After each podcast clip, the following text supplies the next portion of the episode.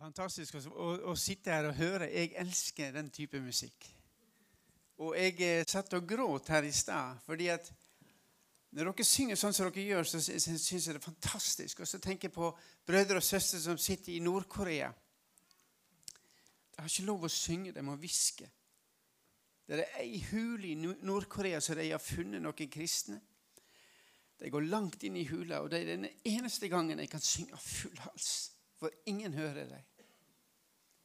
Og den lovsangen som vi får lov å synge her, vi tar det som en selvfølge. Sånn er det jo.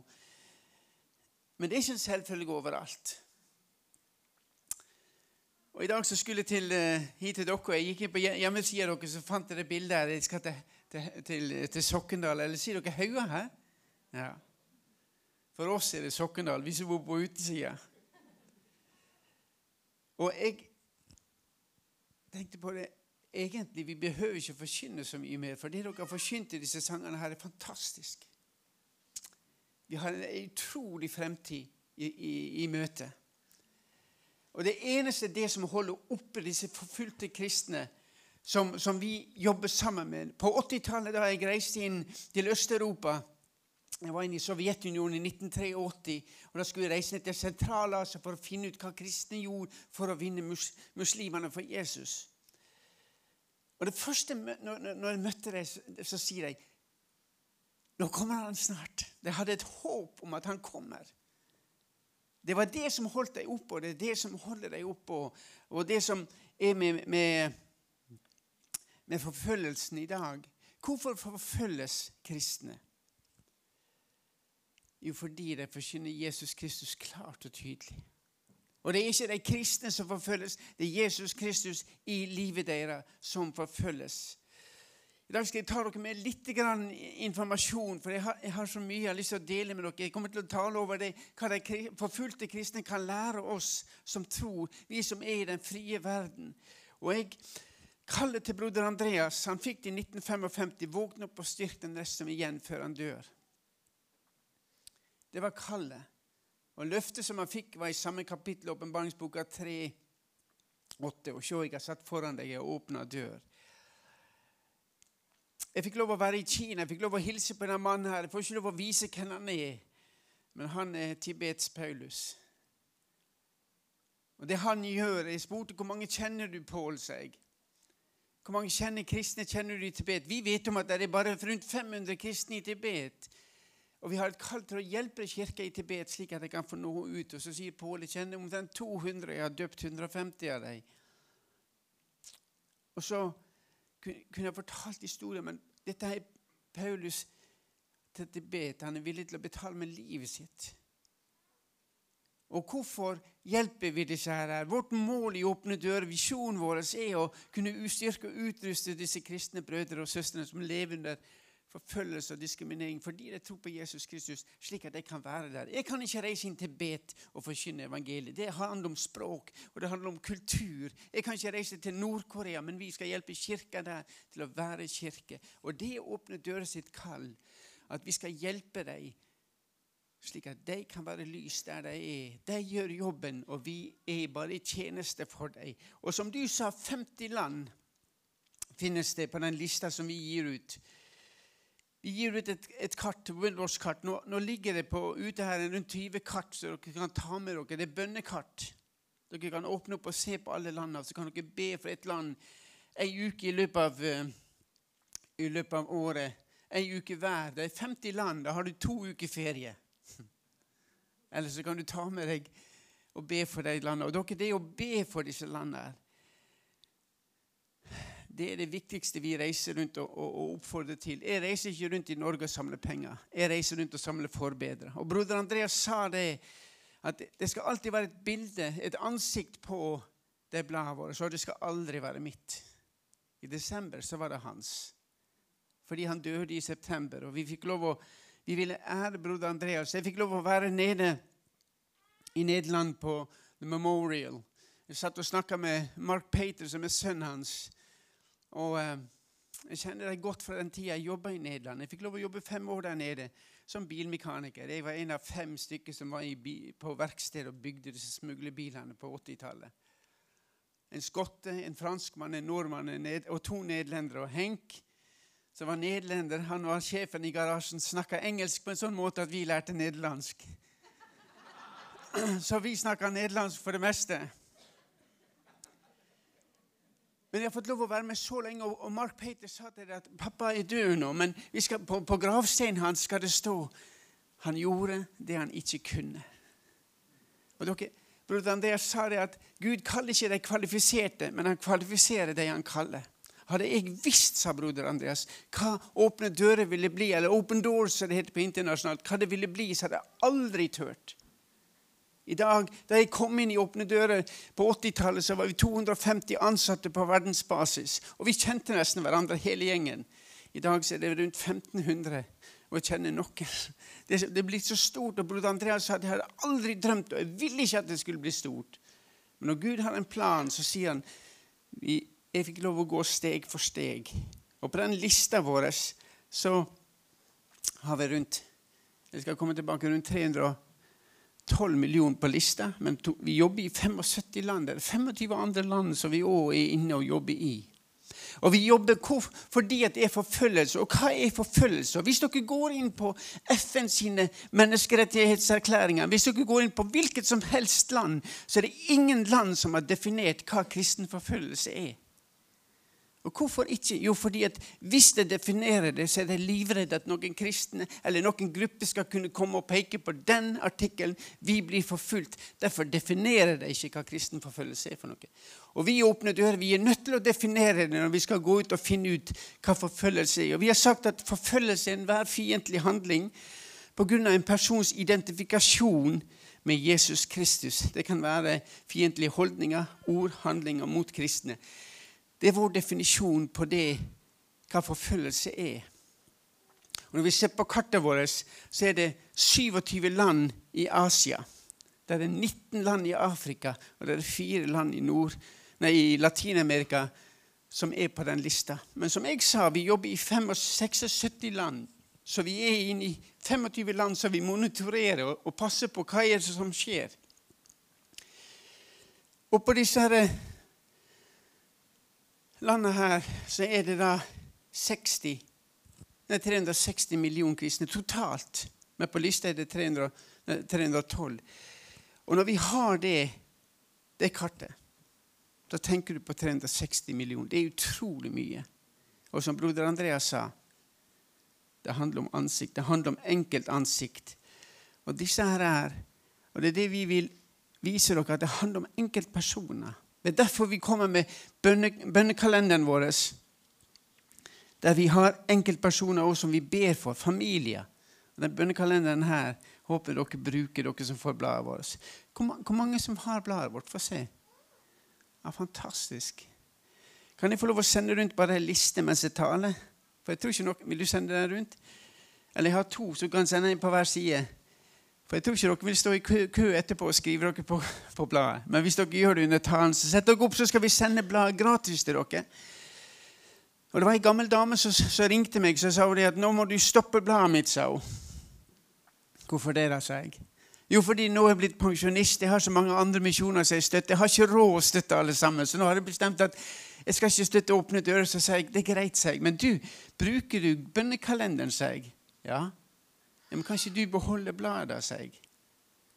Fordi at de bønn betyr så mye. Ja, men det ligger jo en bankgiro ved hvert blad, sa hun. Ja, men det er bare adresselist, det er bare for å få navnet ditt opp. Den kan du få lov å hive, sa jeg. Hvis du vil være med å be. Og så begynte hun å gråte, sa hun. Hvis jeg får lov til det, så vil jeg være med å be, sa hun.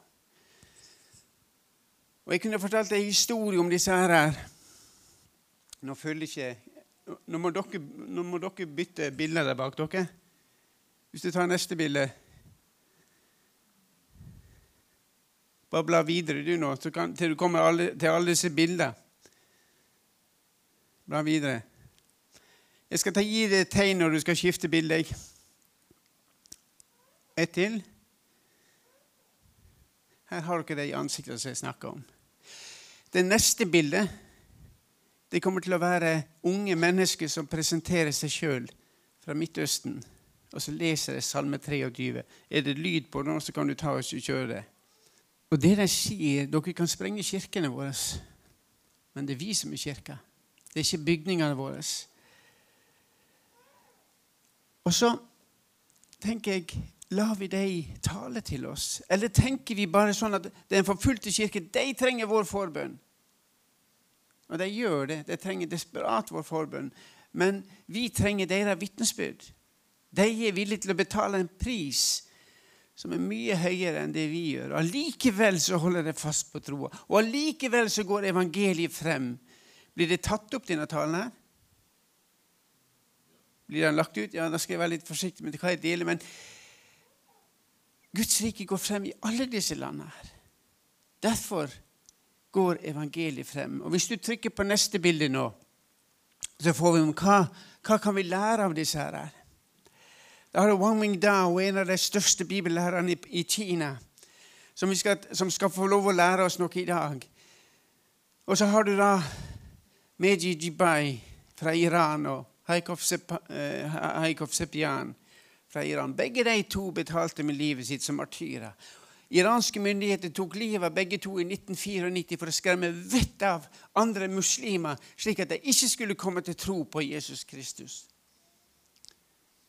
For noen år siden, bare for, for, for et par år siden så snakka vi om at det var rundt 800 000 kristne i Iran. I dag så snakker vi om 1,2 millioner muslimer som har tatt imot Jesus siden revolusjonen i 79. De klarte ikke å skremme. De ble forundra når folk var villige til å betale med livet sitt for at evangeliet skulle komme frem. Så begynte jeg å lure på hva er dette Ta neste bilde. Ron Boyd McMillan, som var en av lederne våre, en god venn av meg som, eh, som jeg jobber sammen med i Nederland, han, han hadde hørt om i, i Salisbury-katedralen borte i England på østveggen så er det et veggmaleri. Hvis du tar neste bilde nå, så er det et veggmaleri som er, handler om den ultimate forfulgte. Hvis du trykker en gang til på, på, på det eh, nå, så får du opp det bildet. Og Det er litt vanskelig å se, for han ville se på det veggmaleriet. Og Han gikk dit om dagen, og så sto han og så på, men han kunne ikke forstå. Så ingenting i det bildet. På det samme som her. Dere ser nesten ingen detaljer her. I ringen der som jeg har prøvd å sette inn, så ser dere til venstre så kan dere skimte at det er Jesus som henger på korset.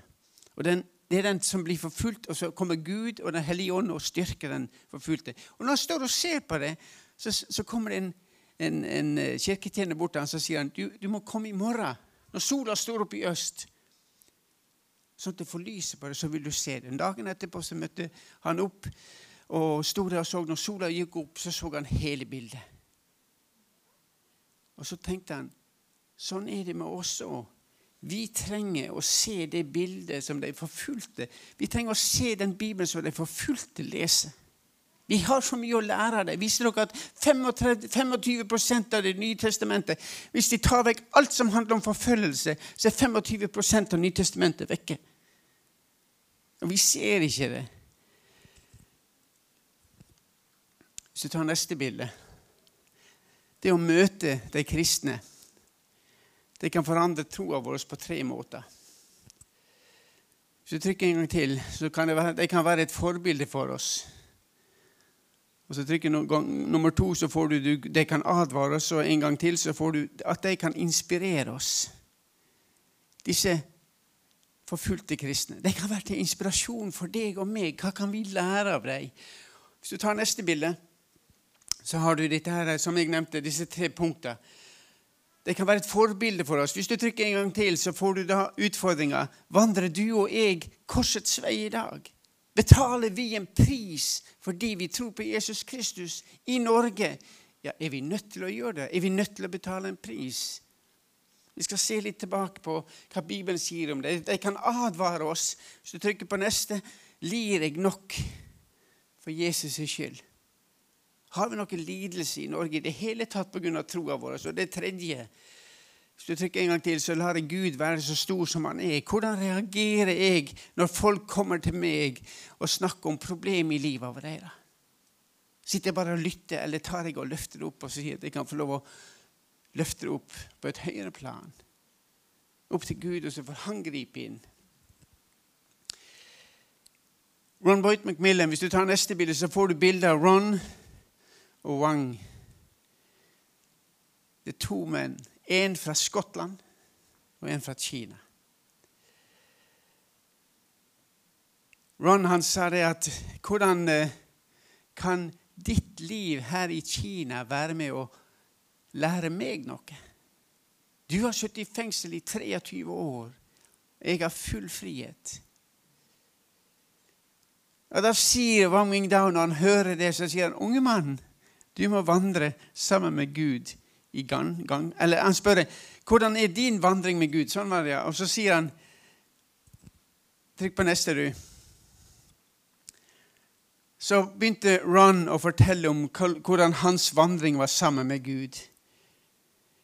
Og Han sa det at jeg fortalte om bibelstudier som var med på bibelgruppa, og hvordan han var med å be. Og så sier Wamingdown det er helt feil svar, det du sier. Du snakker om aktiviteter, men du må vandre sammen med Gud i gangfart. Og Ron forsto ikke.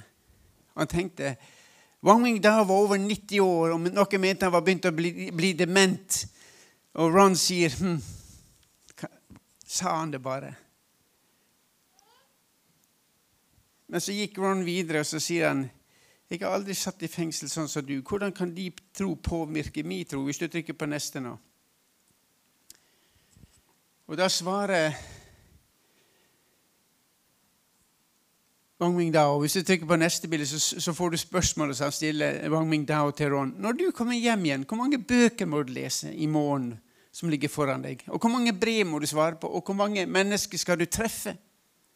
Altså Han spør deg, hva er planen din for neste måned? Og Ron han begynner å ramse opp.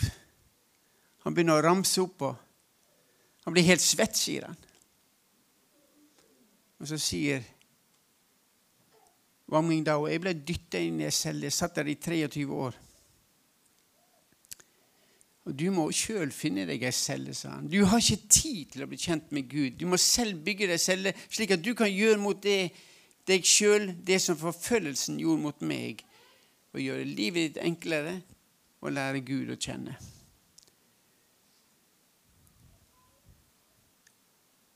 Og Ron han fikk aldri svar, han fra, eh, Wang Mingdao hva mente han med å vandre sammen med Gud i gangfart. Han døde før han fikk snakka med han igjen. Men han sier at 'jeg har tenkt mye på hva han sa'. og Han sa at det å vandre sammen med Gud Da kom jeg på det som står i første Mosebok. Der står det at Gud vandra i hagen. Hver aftenstund vandra Gud i hagen, og da gikk Adam sammen med han. Adam og Eva hvis du trykker på neste, ja, Adam og Eva de var satt til å dyrke hagen. De var satt til å, til å arbeide i Edens hage. Men han vandra også sammen med Gud hver eneste aftenstund, står det. Og da arbeider ikke han. Og så sier han Ron, han, han kom til konklusjonen at dersom vi arbeider som vi må, men ikke vandrer sammen med Gud, da mister livet mening og glede. Og ingen religionsfrihet vil kompensere for det.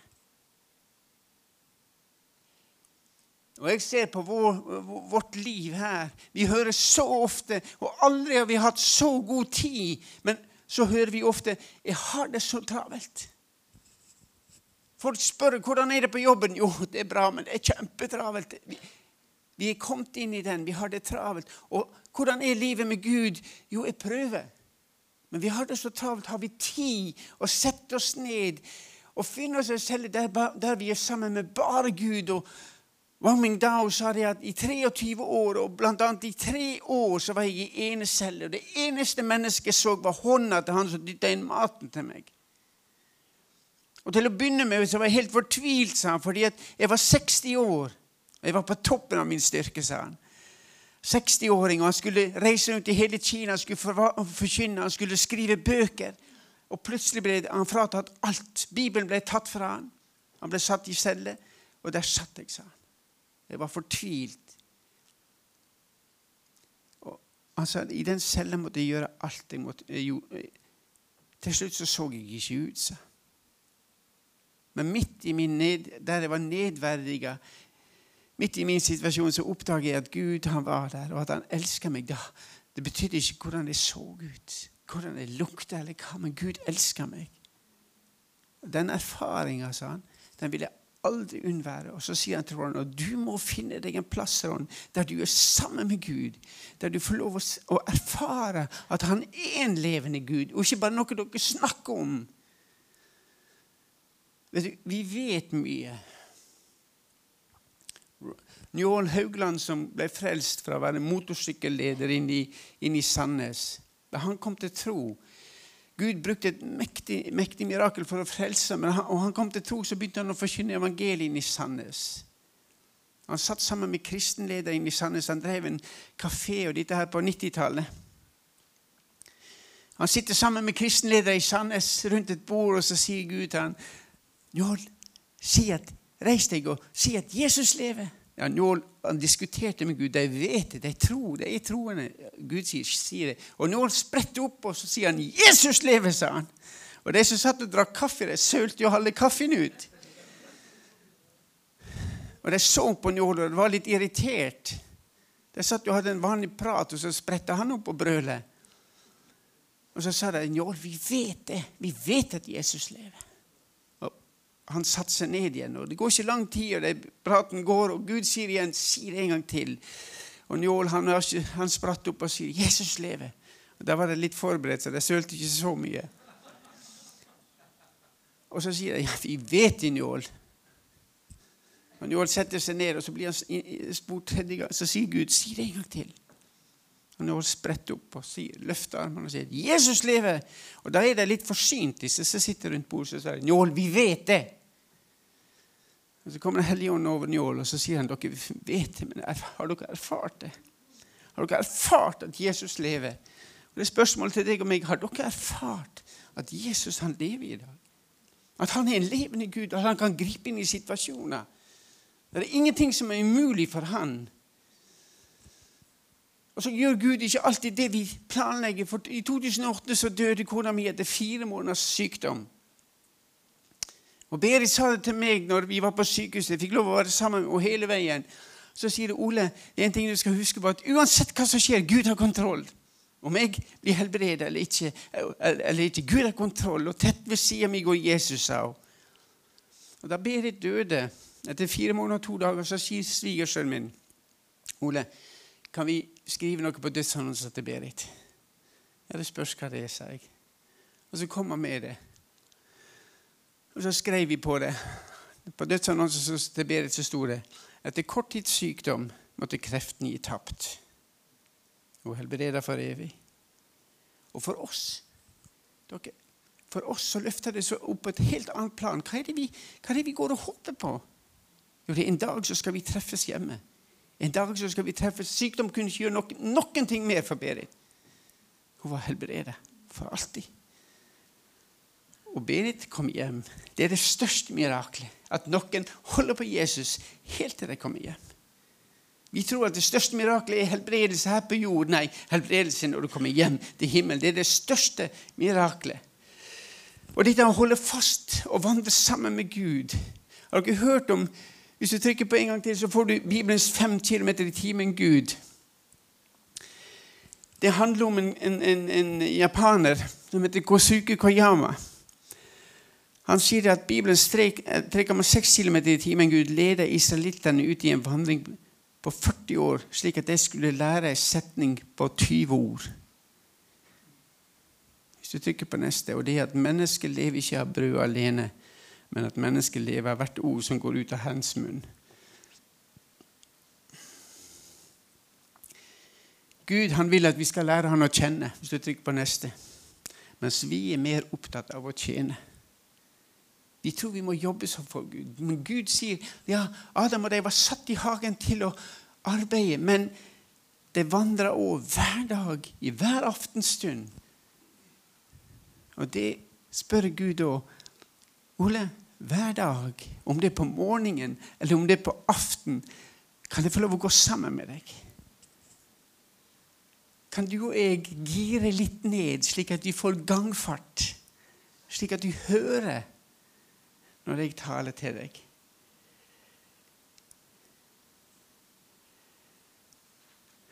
Kan du hoppe over, bare bla frem til vårt kall som kristne?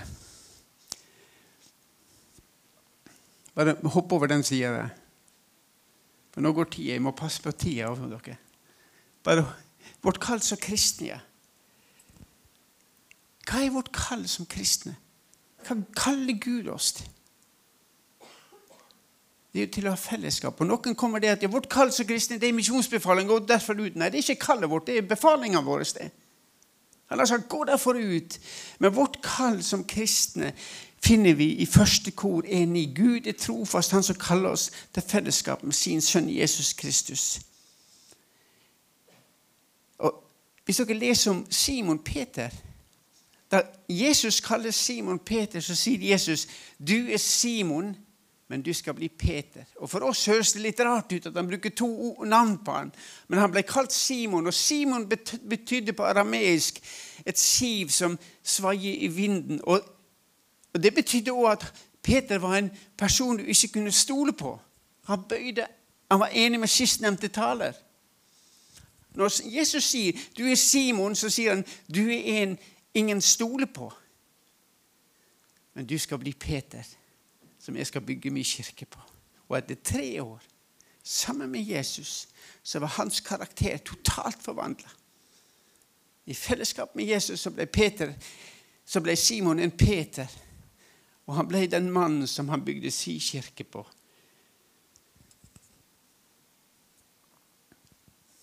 Og Johannes, I Johannes eh, evangeliet, kapittel 8, så sier Jesus og Da sier han til de jødene som var kommet til tro på han, hvis dere blir i mitt ord, så er dere virkelig mine disipler.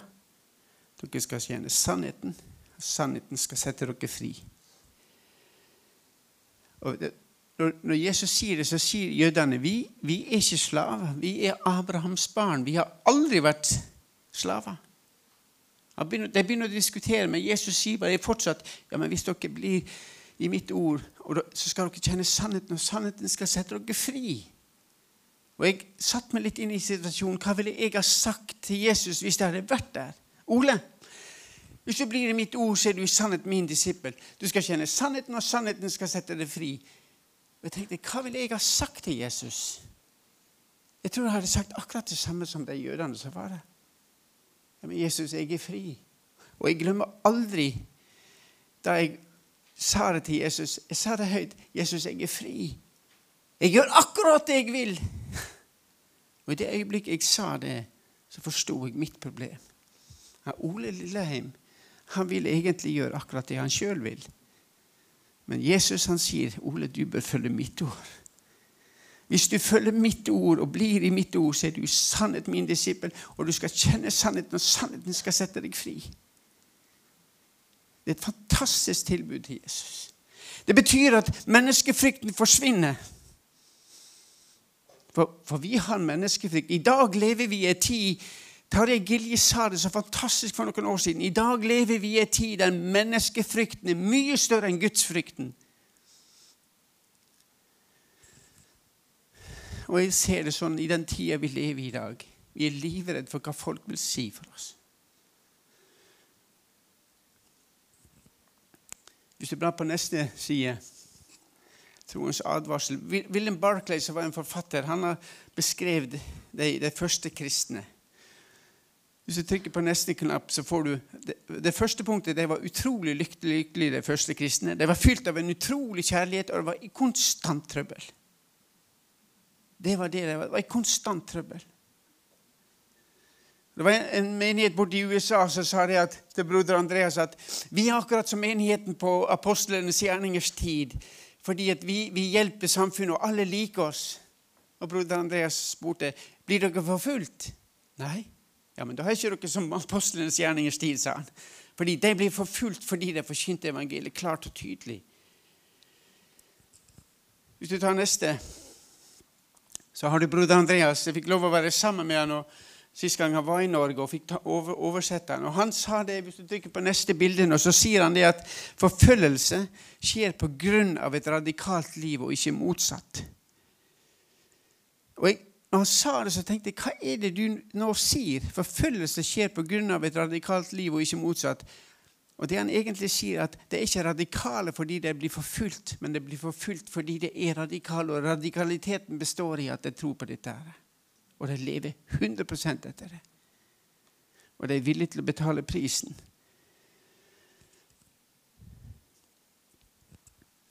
Alle som vil leve et gudfryktig liv i Kristus Jesus, skal bli forfulgt. Bror Andreas visste ikke om det verset. I 1974 var første gang han traff det. Det var en pastor fra eh, Romania som sa til han, Hvor mange kristne sitter i fengsel i Nederland? Ingen, sa han. Og så sa han, Hva gjør dere i Nederland med 2. Timotius 3,12? Og broder Andreas ante ikke hva som sto der. Og Han eh, bladde opp og leste alle som vil leve et gudfryktig liv i Kristus Jesus, skal bli forfulgt. Og Da så han på pastoren og sa han, dette verset her, det gjelder bare dere i Øst-Europa. Det gjelder ikke oss i Nederland. Og Pastoren sier det en gang til. Du må lese det en gang til. Og han leser alle som vil leve et gudfryktig liv i Kristus Jesus. Så sa broder Anders, det vil jeg. Hvorfor da ikke det siste? Er det fordi vi kompromitterer Bibelen? At vi tar vekk det som ikke passer? Jo, vi leser ofte Bibelen versvis. Men når vi ser det verset 12, så må vi alltid lese det som står lenger nede. Fra, I vers 16 så står det at hver bok i Skriften er innblåst av Gud og nyttig til opplæring, til rettevisning, veiledning og oppdragelse i rettferdighet. Så det mennesket som tilhører Gud, kan være fullt utrusta til all god gjerning. Guds ord vil gi deg og meg en mulighet til å bli fullt utrusta til all god gjerning, uansett hva som skjer når de kristne i Egypt Sist gang jeg talte her, så snakket om tilgivelse i Egypt. Hvordan de valgte å stå på Guds ord. Vi velger å tilgi istedenfor å kreve rettferdighet. Og hvordan da Gud åpna dører for dem som ingen hadde drømt om. Når Gud finner en menighet som er, villig, som er svak, men som er villig til å stå på Hans ord og ikke fornekte Hans navn, da åpner Gud dører som vi ikke hadde drømt om. Hvis du tar neste bilde, eller hopper over det Hopp over det bildet, så tar du det bildet. Trajan Dors var en av de vi jobba sammen med. Han valgte å leve livet på den måten at den eneste metoden å bekjempe sine fiender er å elske dem til det blir hans venner. Og Det er ut ifra Matteus 5, 44. Og han ble forfulgt. Han ledet vekkelsesbevegelsen i Romania, og, og de kom og banka han jevnlig. Og den politibetjenten som, som, som, var med hver gang, han fikk høre av Tayan Dors hver gang at 'politibetjent, jeg elsker deg'. Og Jeg vil at du skal vite at hvis vårt neste møte blir foran Guds trone, så vil ikke du havne i helvete fordi jeg hater deg, men fordi du forkaster min kjærlighet.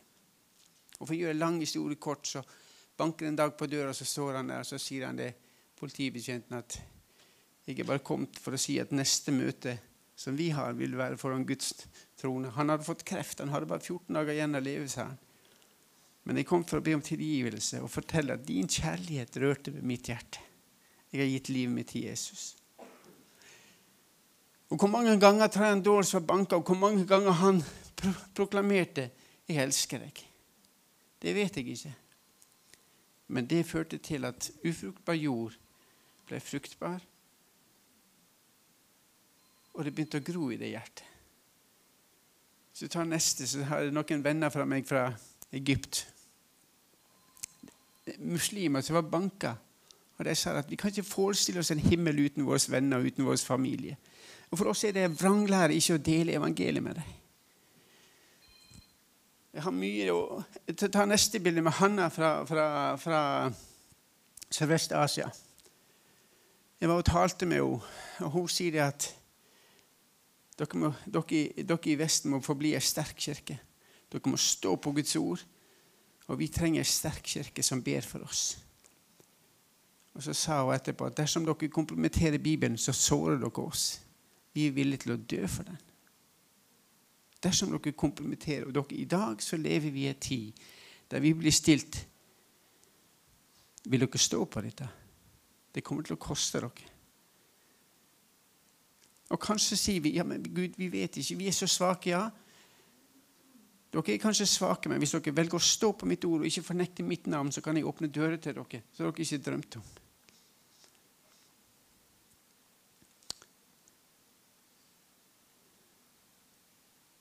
Og de utfordrer oss, ikke sant? Og så sitter vi kanskje her så sier vi det at ja, i, i, i forhold til disse her, hvem er jeg da? Kanskje du føler på det at ah, jeg, er, jeg, jeg er ikke noen ting for Gud. Jeg kan ikke gjøre så lite for Han. Jeg skal avslutte med en historie fra, fra Leonardo da Vinci. Eller Michelangelo. Michelangelo var en av de største kunstnerne. Han er vel den største kunstneren vi har hatt i verden. Fantastisk begava mann. Og Han visste det, men han ville vise verden at 'jeg er den beste'. Og det Han gjorde, han gikk ned på det marmorlageret som var han nede i den byen. Og så sier han til han på marmorlaget, som hadde disse evnene som alle disse kunstnerne brukte, sånn, 'Jeg skal ha det emnet som er så dårlig at ingen vil ha'.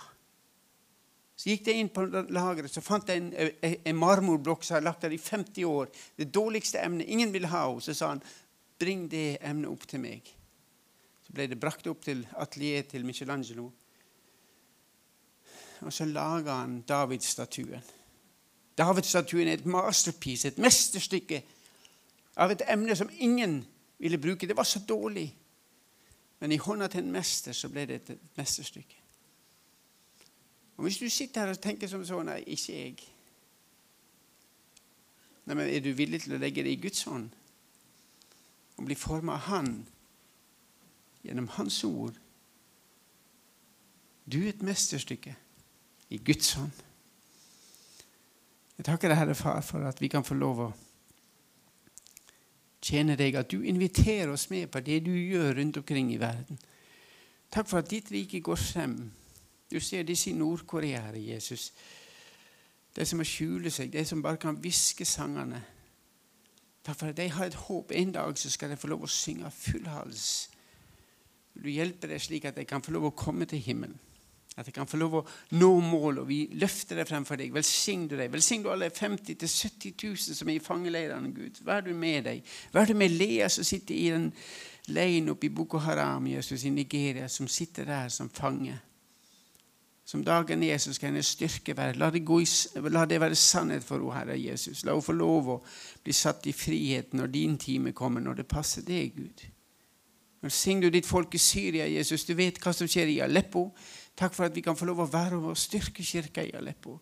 Takk for alle de 280 kirkene som er blitt håpsenter, som presenterer et håp for fremtida.